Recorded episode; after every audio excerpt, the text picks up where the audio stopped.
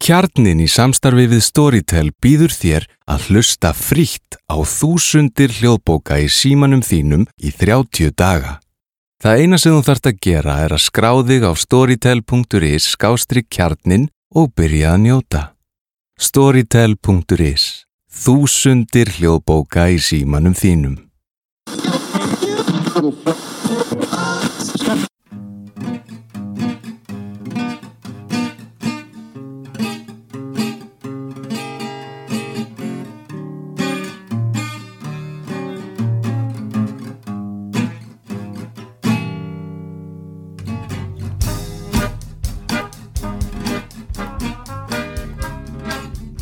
Velkomin í samtal við samfélagið hlaður félagsfræðinar.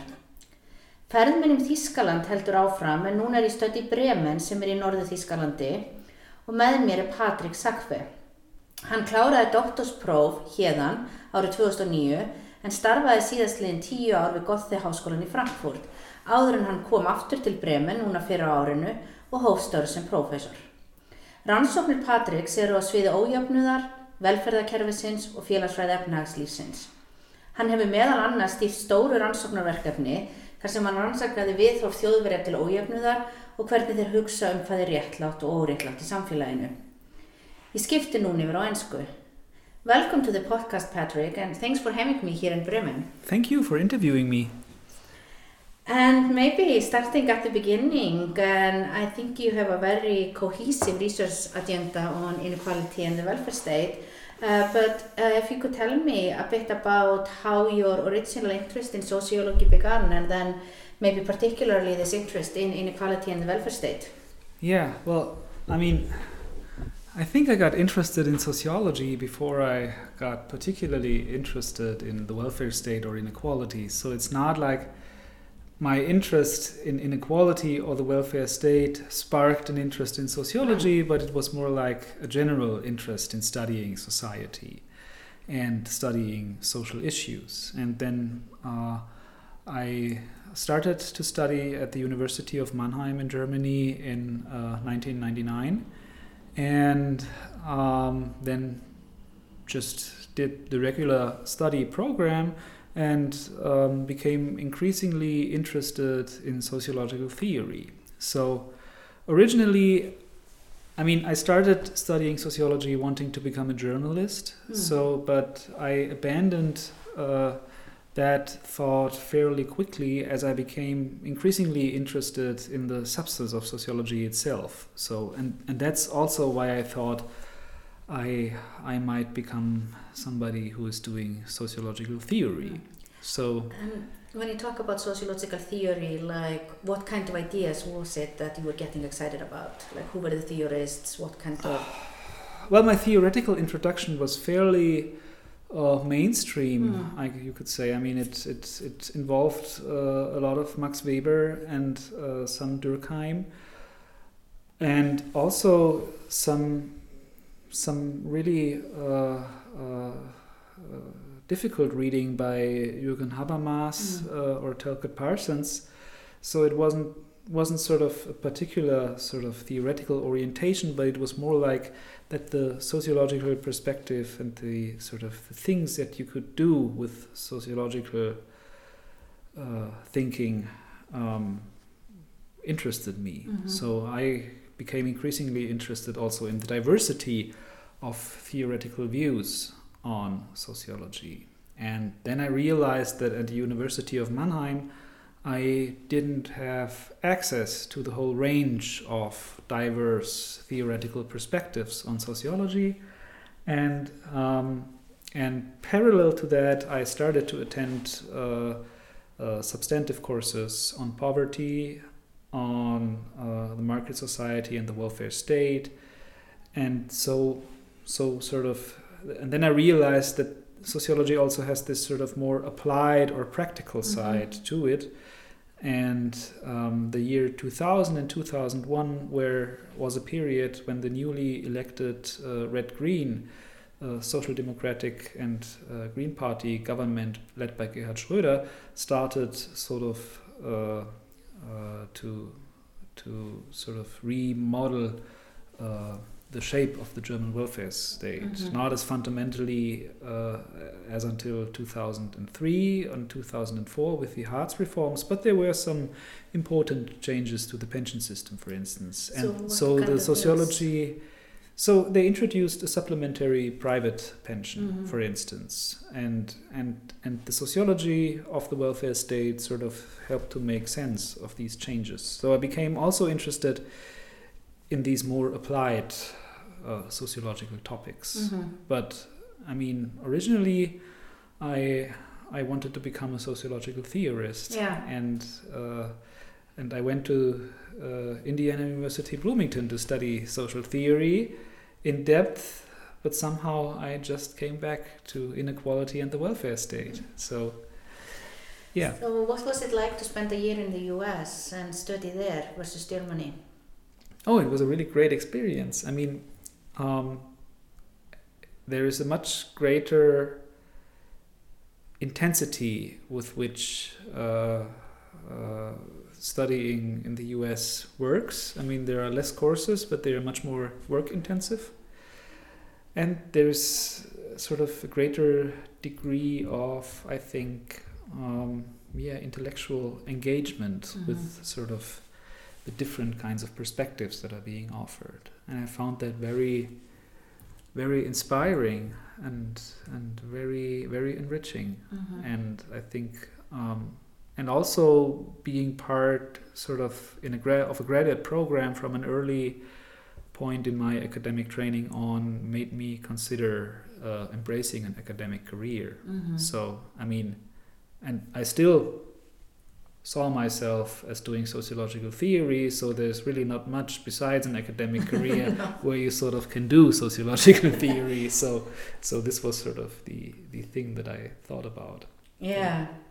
And then you go back to Mannheim and you finish your equal to an MA there and then come here to Bremen. Yeah, I mean, I, I pondered uh, whether I should go back to Mannheim or I I also thought about going somewhere else basically after Bloomington, but I had accumulated too much sort of work towards my degree in Mannheim, so it wouldn't have been reasonable to switch places. So I thought, well, if I want to do a PhD, I should probably do the PhD somewhere else. Mm. And when I when I went back to Mannheim, I got involved as a student assistant in a research project on attitudes towards the welfare state, Mm. and it also sort of seemed kind of natural to write my thesis within the frame and with the data of this project, which was an original quantitative standardized survey. Mm. But I also had the idea of studying people's perceptions of inequality and social hierarchy from a more qualitative perspective.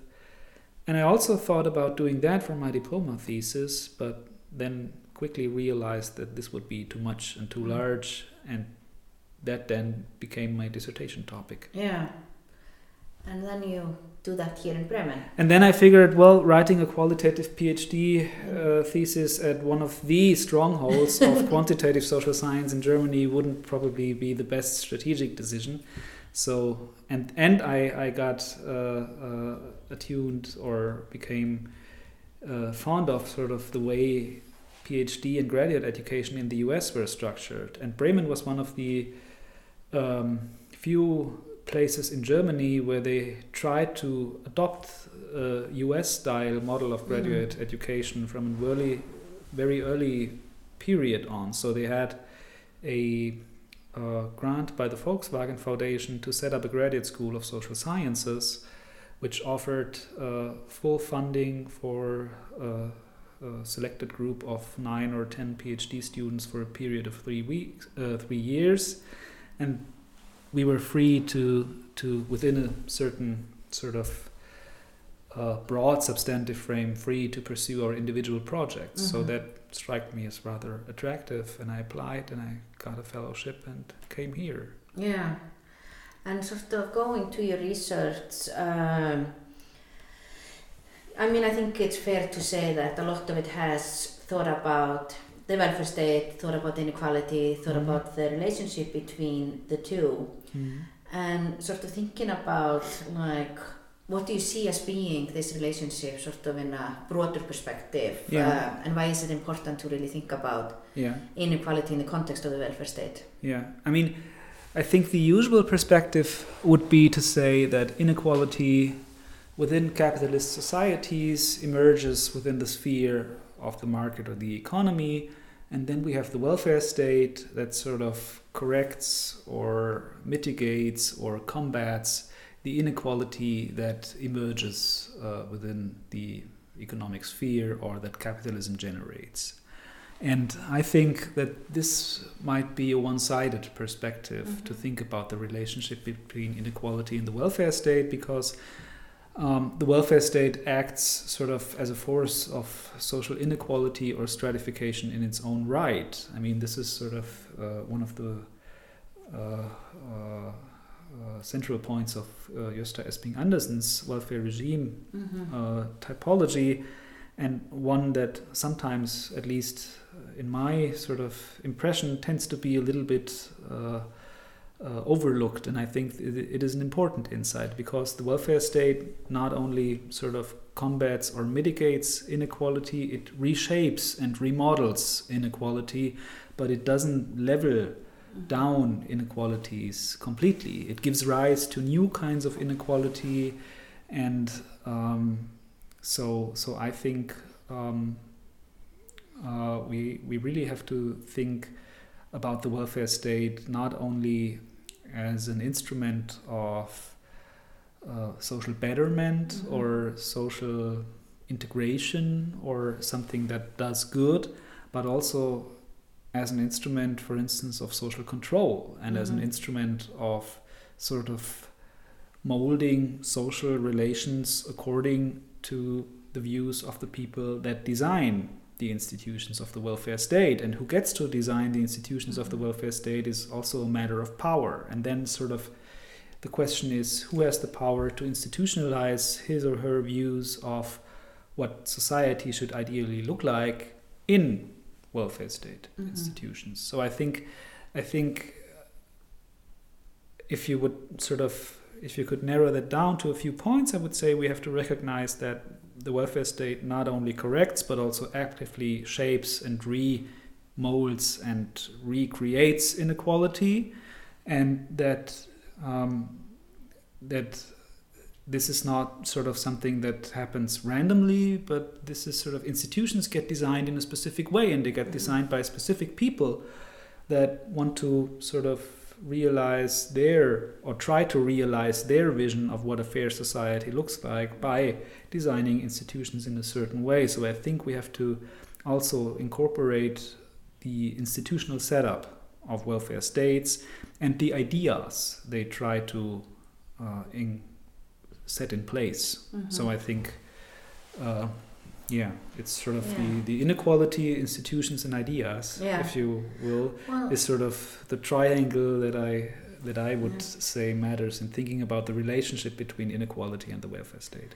And maybe sort of going back to the typologies that Mhm. obviously have been modified a lot um, in various ways since the original formulation, but um, maybe the average listener may not be familiar with those. Yeah. Uh, so if you sort of think about the I mean, European welfare state, welfare states in advanced industrialized nations, what would you uh, talk about as being the different types? Yeah. and particularly like maybe how they would be addressing what kind of institutions they are likely to be creating, what kind of benefits they are likely to be creating, yeah. and what kind of ideas, like what is sort of the fundamental Mhm.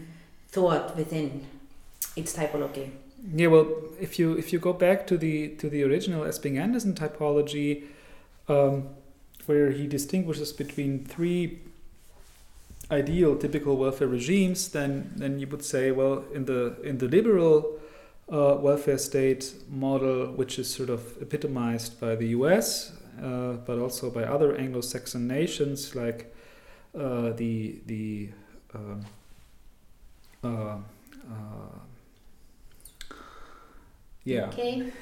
No, uh, I think the UK is a is a is a very special case okay. within the liberal world, So Australia and some like. Australia, the, Yeah. the offshoots, like Yeah. Australia and New Zealand. yeah. Um, I The think these are these are these are sort of welfare states where where the idea of individual responsibility is very prominent. That sort of give a lot of emphasis on individual actors, on their freedom to decide, on and their, and their freedom to choose, and where the state sort of only plays a minimal role in providing some really residual last resort safety net that only kicks in after after sort of every every other means of securing your livelihood fails. So so and and i think the focus here is really on individual autonomy and freedom of choice in the sense that individuals are being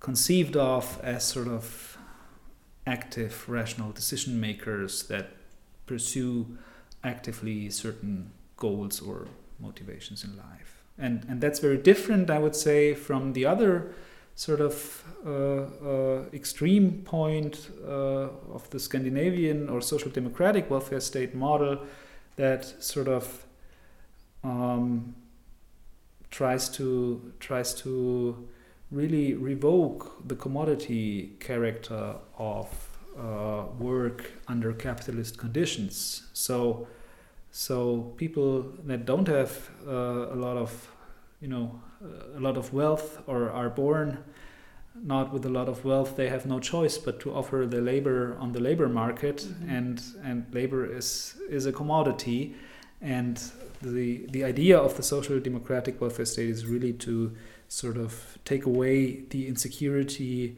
and the um, vagaries that the fact that labor is a commodity that is being sold on the market brings with it. Mhm. So the institutional design really seeks to provide a, a decent standard of living outside of the market through universal benefits that in principle cater to to uh, uh, everybody Mhm. and at the same time, I would say that the Scandinavian welfare state model also is about autonomy, but not autonomy as a sort of consumer citizen on markets, but autonomy understood as being sort of freed from sort of any kind of social relations of dependency. So that's Mm. particularly important uh, if if we think about family related policies.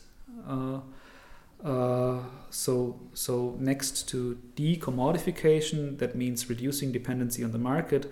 Scandinavian welfare states also try to reduce dependence on the family, which is important for for women, and also uh, for for um, children to some extent. Mhm.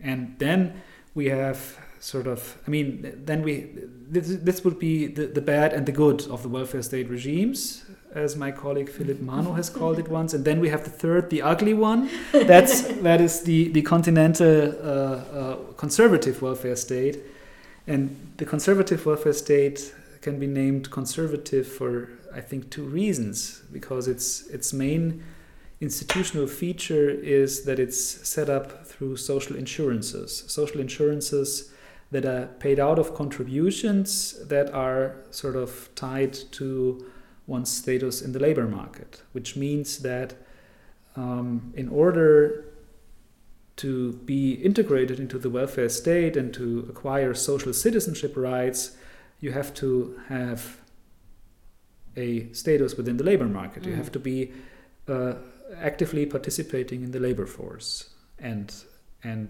people that are not actively participating in the labor force only can participate within the uh, conservative welfare state um, uh, in terms of a relation to a to a wage earner that is Yeah. sort of participating in the labor So being market a child of someone, being a wife child or someone. being a wife or being being married uh, or being dependent on a wage Yeah. earner and and in this way it of course conserves uh, uh, a certain type of gender relations Mhm.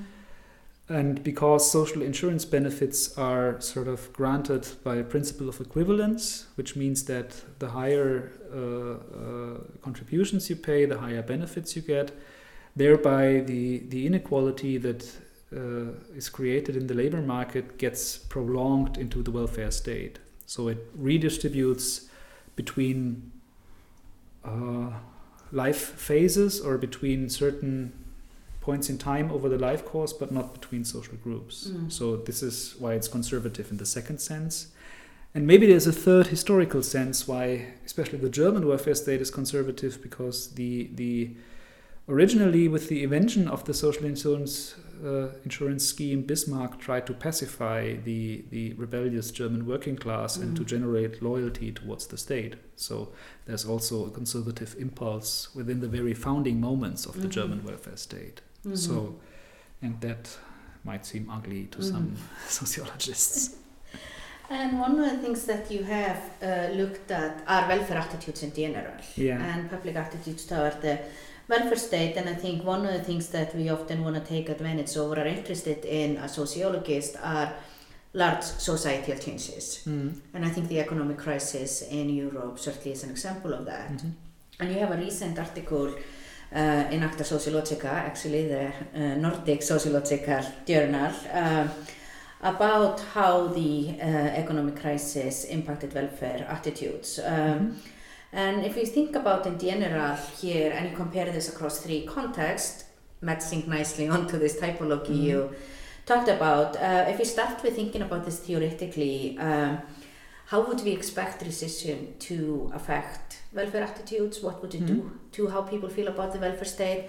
And would we expect that that was uh, depended on the context in one way or another? Mhm. Well, I mean, the, the standard is assumption uh, uh, within, especially the kind of attitudinal research that has looked at what happens to people's uh, uh, views of the welfare state during economic crisis, would say that sort of um, it's a kind of rational reaction. If people are hurt by economic crisis, if they lose their job, or if they lose parts of their income because maybe their partner loses a job or something like that, um, then they sort of rationally adapt uh, to that and demand more welfare state protection. So, and that's sort of then support for the welfare state would be driven uh, out of material, immediate self-interest, and we can we can sort of question whether this is the only way by which economic crises uh, can affect people's views of the welfare state, because this would imply that only those people that directly experience an impact of the economic crisis within their own pocketbook Mhm. or within their own sort of household budget uh, also change their views about the welfare state. And I don't think that this makes much sense because people are not isolated from each other and people sort of, I mean, they, they, they live in, in they, they form social collectives and they live in groups and societies and they notice what's going on around them. And I think economic crises make people more aware of hardship that's going on around them, even if they're not directly affected Mhm. by that hardship. So I thought maybe maybe if we look not only what what crises do to people themselves, but also do they see that crises have any impact on other people? And this might be sort of a a non-selfish or other regarding motive for demanding more welfare state protection. So that that was the basic intuition behind that behind that research. But then we can say, well, would other regarding motives or other regarding reasons for demanding more welfare state protection unfold everywhere in the same way, or does this maybe uh, also change across institutional contexts? Because different institutionalizations of the welfare state embody different ideas of what the welfare state is about. So I would expect, and that's what also this this article that you mentioned uh, tries to show, and does show, is that other regarding motives become only affect welfare attitudes in contexts where where the distribution of welfare benefits is not a zero sum game between Mhm. the haves and the have nots. So, in the universal Scandinavian Mhm. uh, contexts, there, when you care about other people, then you also want more welfare state protection. Mhm. And in more residual contexts, then sort of the selfish motives override Mhm. the non selfish ones, and it's more about your personal situation. Mhm. So, so that's something that that I I tried to try to find out with that Mhm. with that research. And you looked at quantitative data from Yes. Germany, Sweden, and, the US. the UK, The UK. the UK. See, I yeah. always want the US to be. Yeah.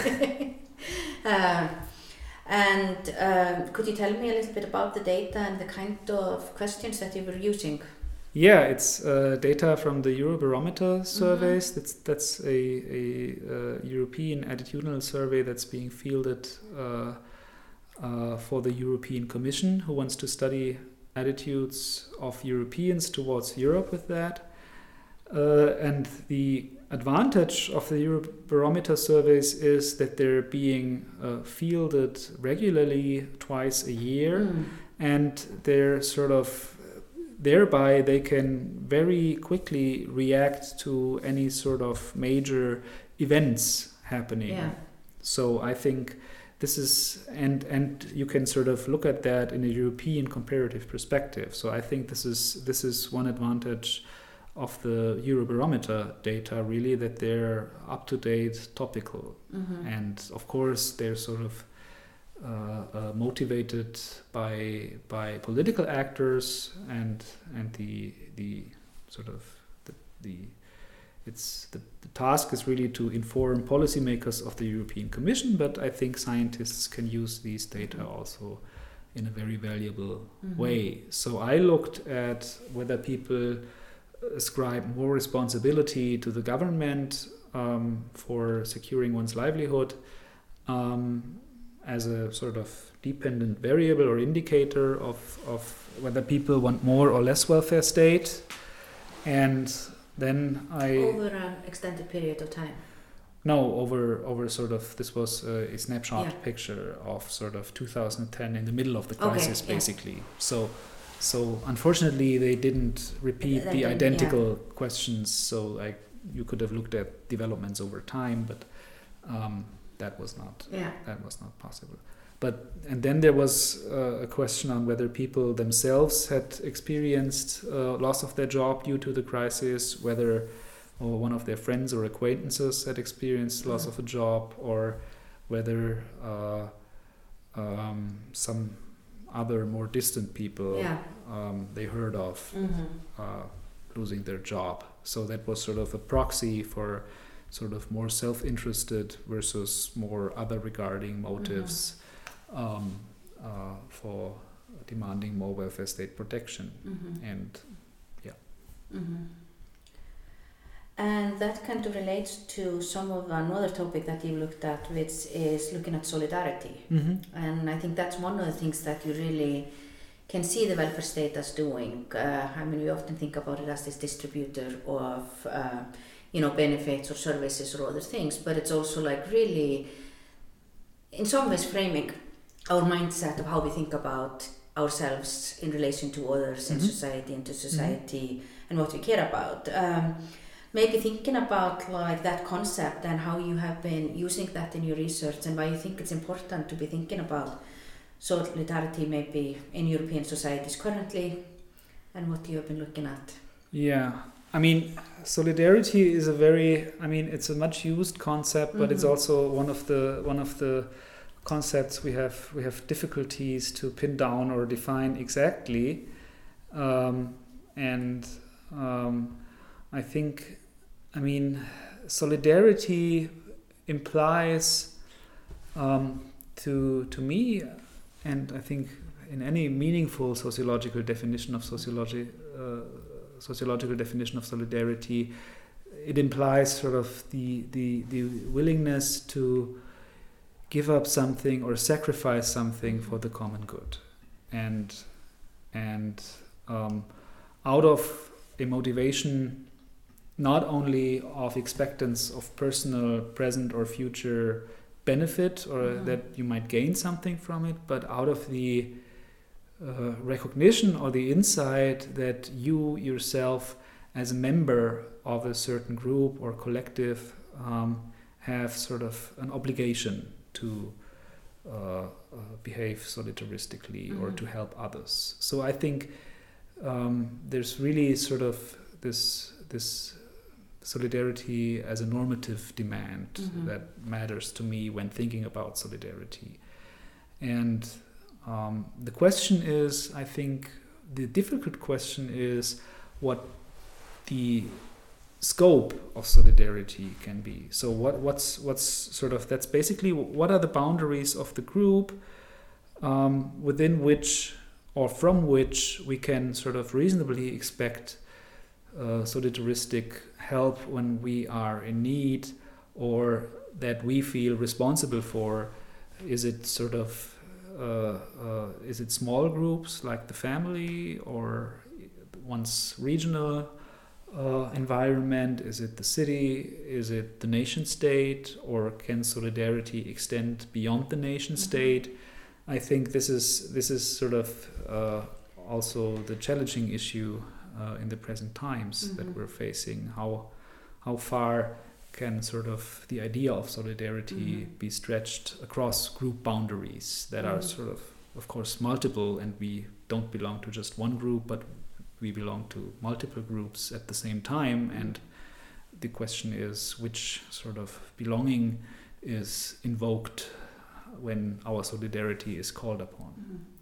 And maybe in Europe, I mean, I think we see some of this tension. Like, I mean, I think in some ways we can think about the EU as a project to really increase solidarity among Europeans. mm. But then we also see, like, within national political discourses, very much an emphasis on um, the nation state. I mean, we see certain political parties Mhm. basically saying, using as an argument, you know, against immigration, for instance, Mhm. that people may be coming in and taking some things from us that rightfully belong to us. Mm. And one would think that, like, how people identify themselves in the world and in relation to, you know, their neighbors, whether it's their next door neighbors Mm. or the neighbors in another country, um, Mm. would really matter for this. Yeah, well, see, I think the nationalists, or, or at least the nationalists that sort of determine the political agenda in some of the European countries, tend to overlook that the idea of the nation is a fabricated idea, and Mhm. that sort of that that the the sentiment of people belonging together due to common history, common language, common uh, uh, cuisine, Mhm. shared fate, yeah, doesn't emerge from from from from the bottom up, but it Mhm. has been historically it has been constructed uh, in a top-down process after states were built. Then nations were formed through spreading systems of mass education, through sort of standardizing language, through inventing national myths, national heroes. So, so I think, of course, the idea of a nation also served political purposes Mhm. because it, it was used to sort of bond a heterogeneous group of people that has been spread in diverse political constituencies across Europe together in a new political collective that has been labeled a nation. But I mean, originally these were heter- heterogeneous groups as well. So Mhm. the nation is pretty much a construct and not some natural entity. So I think, but it is a homogenizing idea that has enabled solidarity, mm-hmm. of course, and and but at the same time, the the homogene- homogenization achieved by the idea, idea of the nation has been used to exclude others. Yeah. So, so I think that the main challenge that we face now is not sort of. I mean, I wouldn't see it as as sort of an opposition between the idea of the national versus a cosmopolitan orientation, but I think the we have to think about finding points or identifying points for for assessing our similarity of people to one another that exceed extend national borders Mhm. basically. So we have to find new new ways of de- defining our belonging together without sort of uh, uh, necessarily implying a homogenizing uh, national mm-hmm. or invoke a nationally homogenizing mm-hmm. image. So the the the perspective of universal human rights is is one example, but it's a rather sort of it also has a strong individualistic uh, undertone when human rights are understood as personal, individual rights. Mm-hmm. So I think we have to, and I think people are in need of sort of, um, or want to feel part of a larger group or community. Mm-hmm. And the challenge is of identifying sort of can there be a non exclusionary community that we all feel we're a part of? Mm-hmm. Well, I think one of the things, and obviously that is something that the sociological perspective highlights, and you've highlighted here, is really seeing those things that we, or a large proportion of people take as real, take for granted, including the nation state, or mm. including the way that the welfare state works, or how our like broad institutions work. I mean, really are at the end of the day social construction. Mm. Like they were at some point decided by some people that this mm. is the way we should organize our world, uh, we should organize our society. Going back into the issue you mentioned here earlier about power, we don't all have the same power to create what mm. kind of mm. policies are going to be enforced, how the institutions are going to um, look like. Um, and this sort of leads us back to thinking about inequality. Mm. And we can obviously think about inequality in a lot of different ways, and in some ways it's everywhere. Uh, but I want to go back to some of your research uh, because I think it's particularly interesting uh, the research project that you got a large research grant to study for when you were in Frankfurt. Um, mm-hmm. And maybe it's my quantitative bias or what I tend to read, but I mean, a lot of the work on inequality often is from the quantitative mm -hmm. perspective, certainly in Europe, mm -hmm. uh, but you were taking more of a qualitative or a mixed methods approach. So mm -hmm. would you maybe tell me about first uh, what this project was, what mm-hmm. were the questions you wanted to mm-hmm. answer, and uh, maybe yeah. in what way sort of it was innovative methodologically? Mm-hmm. Well, I mean, the, the main impulse of uh, of that project was a certain was a dissatisfaction on my part with the standard survey questions mm-hmm. in secondary data on how people perceive inequality because these questions stem back uh, from the early 1980s, some even from the late 1970s, and they are being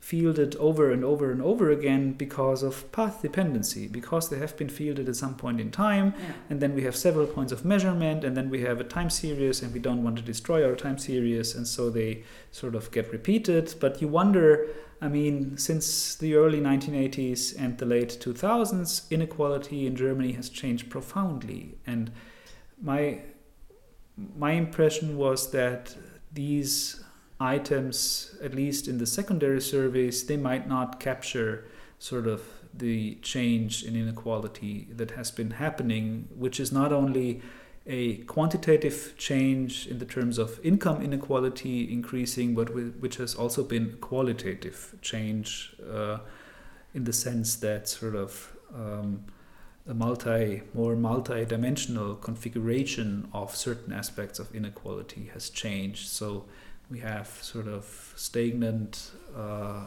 uh, educational um, disparities between the higher and lower classes, where not much has been happening across the last years. We have beginning instances of uh, uh, uh decreasing social mobility. Um, especially in the younger cohorts. We have an increase in the risks of poverty. We have people who are not only more people who are poor, but people who are poor for an increasingly longer period of time and who have difficulties of escaping poverty. So we have these different tendencies that, in the end, sort of, um, I think, um, indicate that there is some sort of decoupling of certain segments of the German population who is not being able to to catch up or participate in the overall very positive economic mm-hmm. development that Germany has seen during the crisis and also during the recent years. So, so um, I think the story is not only about an increase in inequality, but a changing shape and an Mhm. increasing decoupling of the most disadvantaged groups. Mhm. So, and and um, I thought that this was not reflected in the in the survey standard survey items Mhm. that we have. So we did uh, several focus groups, a total of 10 with Mhm. people from different social classes and different, uh, also with pensioners and unemployed people to to sort of um, see what they think about inequality and how inequality uh, uh, presents itself to them uh, uh, in Germany from a more bottom-up perspective, and then we wanted to construct survey items Mhm. uh, that are able to capture um, what people tell us with told us within that focus groups. So we did uh, the focus groups first, and then um, building on that focus groups, designed a quantitative standardized survey. Mm. And what did people tell you in the focus groups? And did you see a lot of difference across uh, the kind of groups that you had? Mhm. Well, I mean, um, one thing they they they they told us um, was sort of um, that.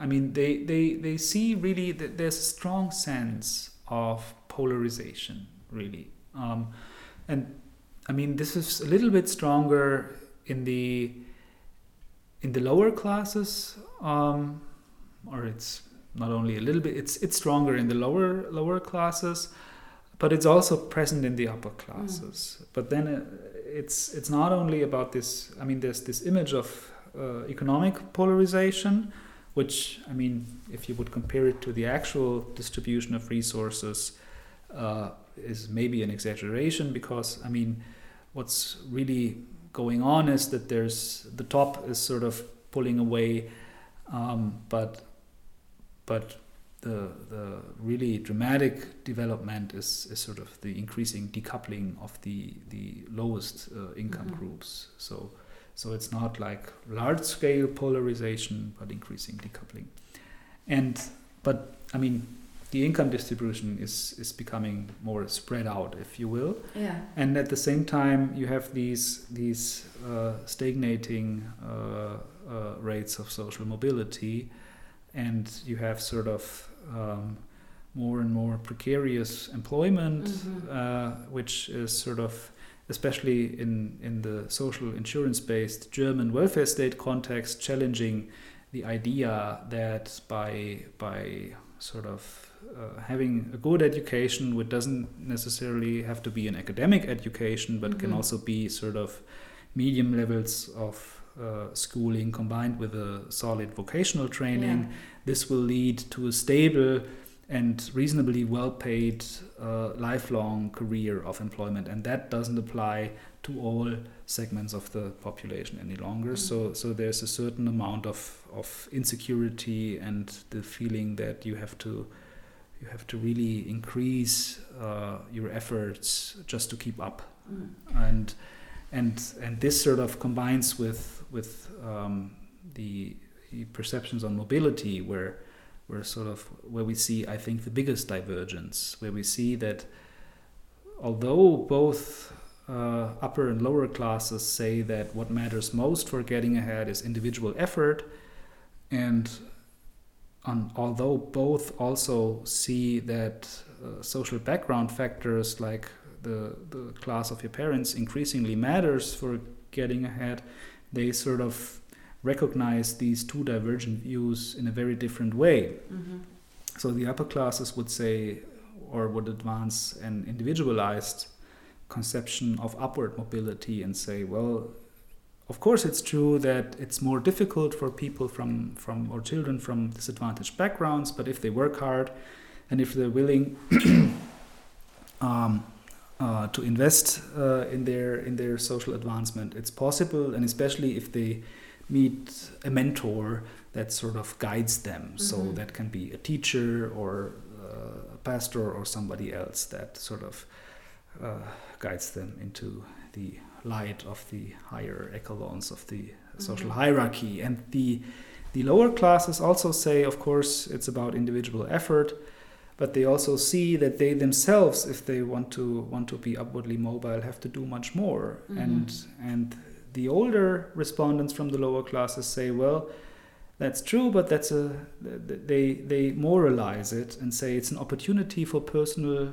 growth. Mhm. So by overcoming these obstacles, you grow as a person and you become a better person. Mhm. And the younger classes then actually uh, formulate the questions of fairness and justice that uh, the obstacles they, they are facing in upward mobility um, imply.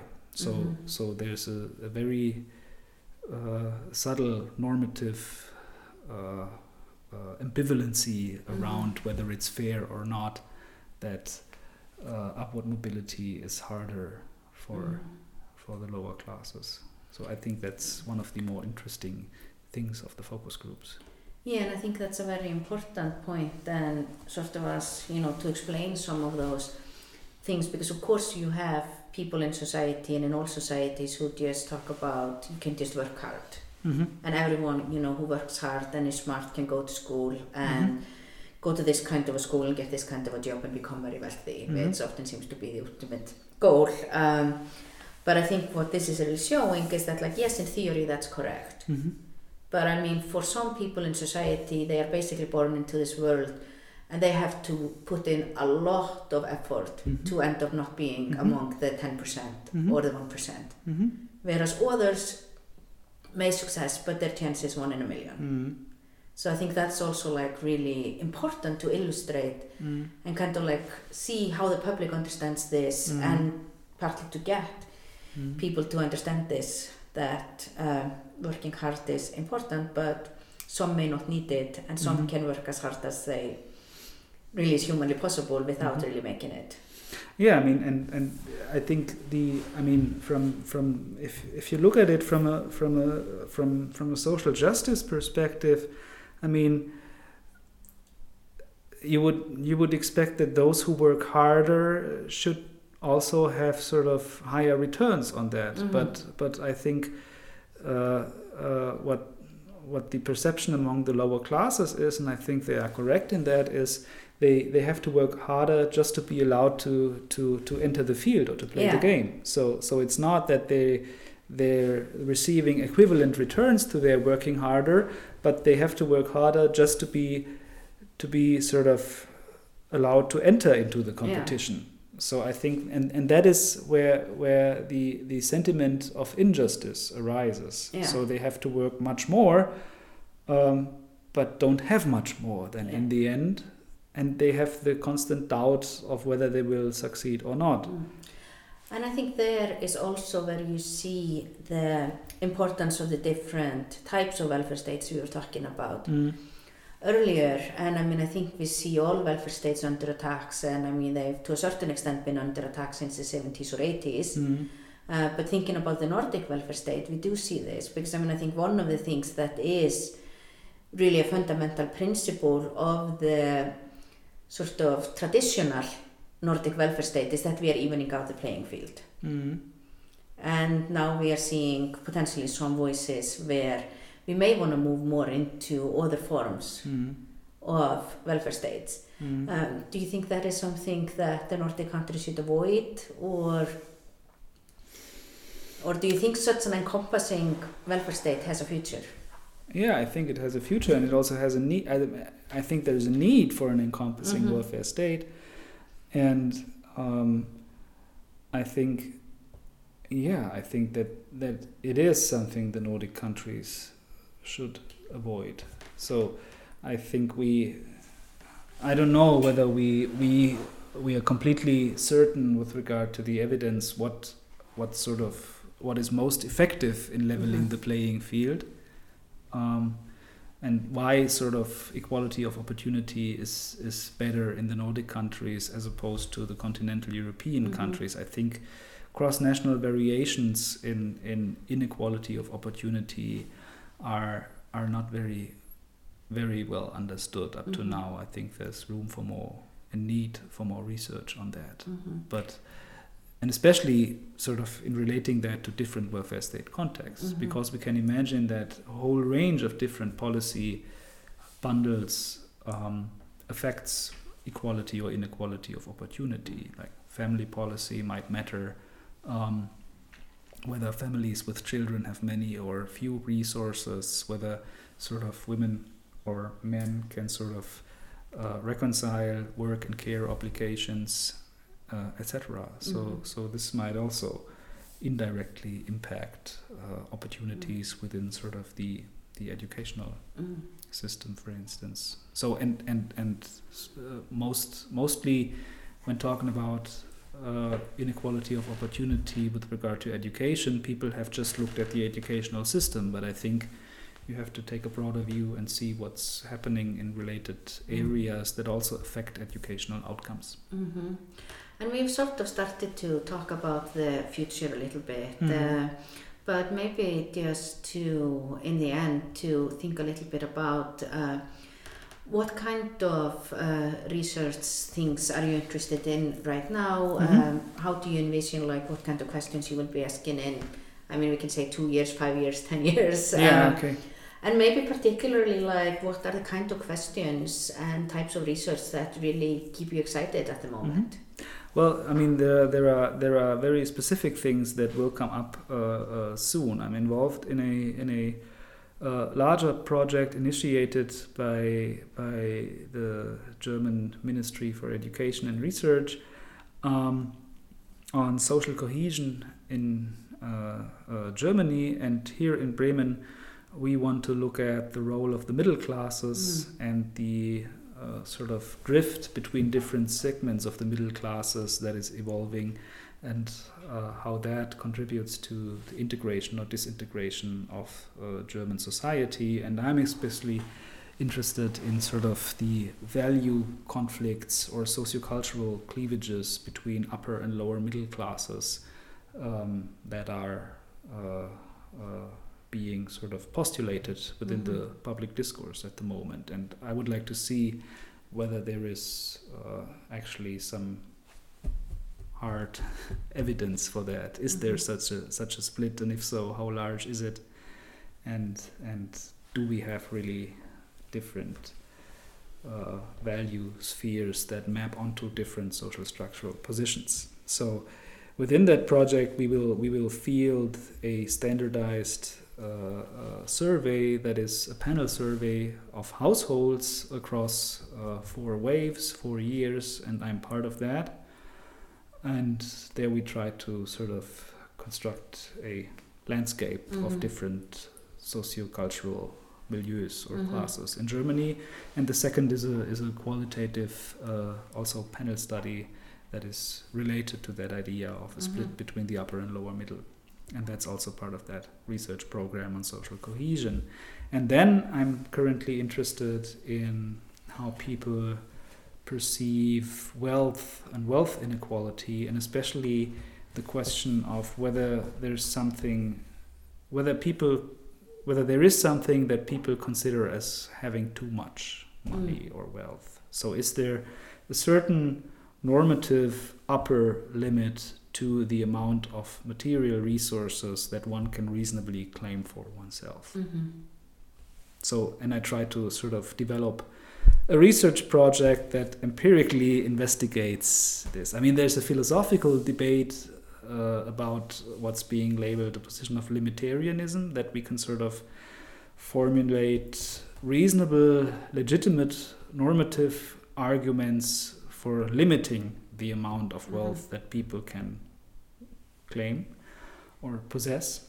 Um, and I'm interested in, in sort of whether whether ordinary people would also see that there is is this something sort of disconnected philosophers imagine Yeah. within their ivory towers or does that resonate among the public and how does that translate also into political initiatives for limiting wealth for instance through taxation Mhm. so so that's that's what i'm also interested in So a lot of things that, and I think that, I mean, in some ways, I think we maybe always think we live in exciting times, particularly times of particularly interesting social changes. But I think that the times in Europe now certainly are interesting, and um, you are coming to Iceland next summer to present your results. So, Yes. you know, maybe you will just have hundreds of Icelanders going to come and learn about what you're uh, studying. But uh, thanks so much for telling us about your research here today and being with us.